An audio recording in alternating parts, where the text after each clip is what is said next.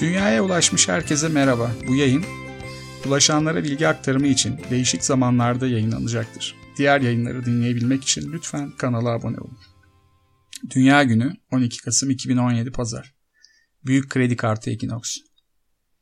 Sıkı bir Facebook takipçisiyseniz arkadaşlarınızdan biri mutlaka şöyle bir paylaşımda bulunmuştur. Eskiden Mars'ta yaşamın izleri bulundu. Bu haberi dinleyen herkesin eskiden Mars'ta yaşamın olduğuna dair mesafeli ve şüpheci şaşkınlığıma bayılıyorum doğrusu. Nedeni ise Mars'ı mahvedip dünyaya gelmiş olan bizler olmayalım sakın. Yani 200 yıl içinde başka gezegene gitmek zorunda olduğumuzu da dikkate aldığınızda.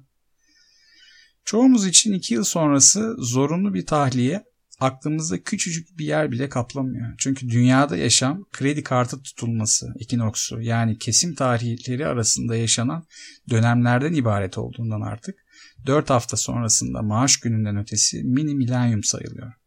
Ancak dünyada işlerin pek iyi gitmediğini görebilmek için kendinizi çok zorlamaya da gerek yok.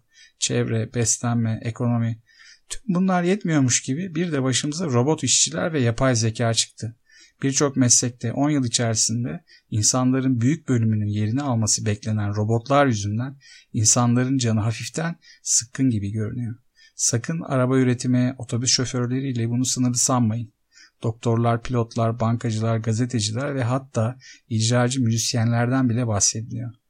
Böyle bir durumda evrensel maaş alacak insanların tüm zamanını Instagram'da fotoğraf paylaşımı, Twitter'da geyik ile geçireceğini tahmin etmek pek zor değil.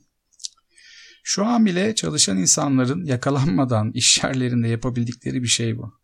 Bu duruma en yakından uyanan Amerika Birleşik Devletleri olduğundan ancak bir tavuk kadar beyni olan peruklu bir müteahhit olan Donald Trump'ı başkan seçtiklerinden ve ekonomileri kötü gittiğinden bizden daha da karamsal görünüyorlar. Yapılan anketlerde komünizm karşıtı Amerika'daki gençlerin yarısına yakının sosyalizmin gelmesini bekliyor. Bu cümle biraz karışık oldu e, komünizm karşıtı Amerika Birleşik Devletleri'ndeki gençlerin %50'si sosyalizmi bekliyor. Ha, bu arada Rusya'da da sosyalizm yerlerde sürünüyor. O da ayrı bir konu.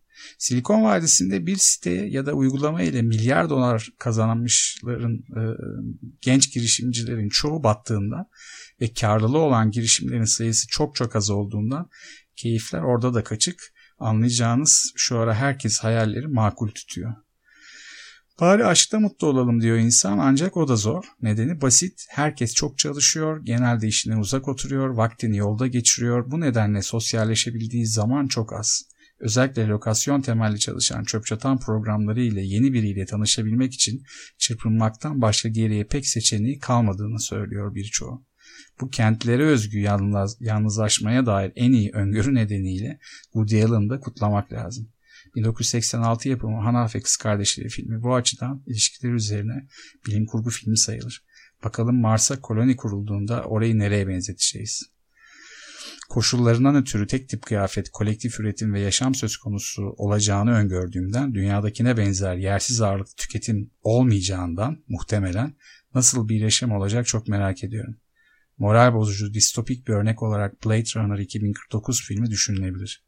Evet dünyaya ulaşanlar ilk yayın bu kadar. Kredi kartınızın borcunu ödemeyi unutmayın. Sonraki yayından haberdar olmak için abone olun. Dünyaya iyi bakın kendinize de. Ciao.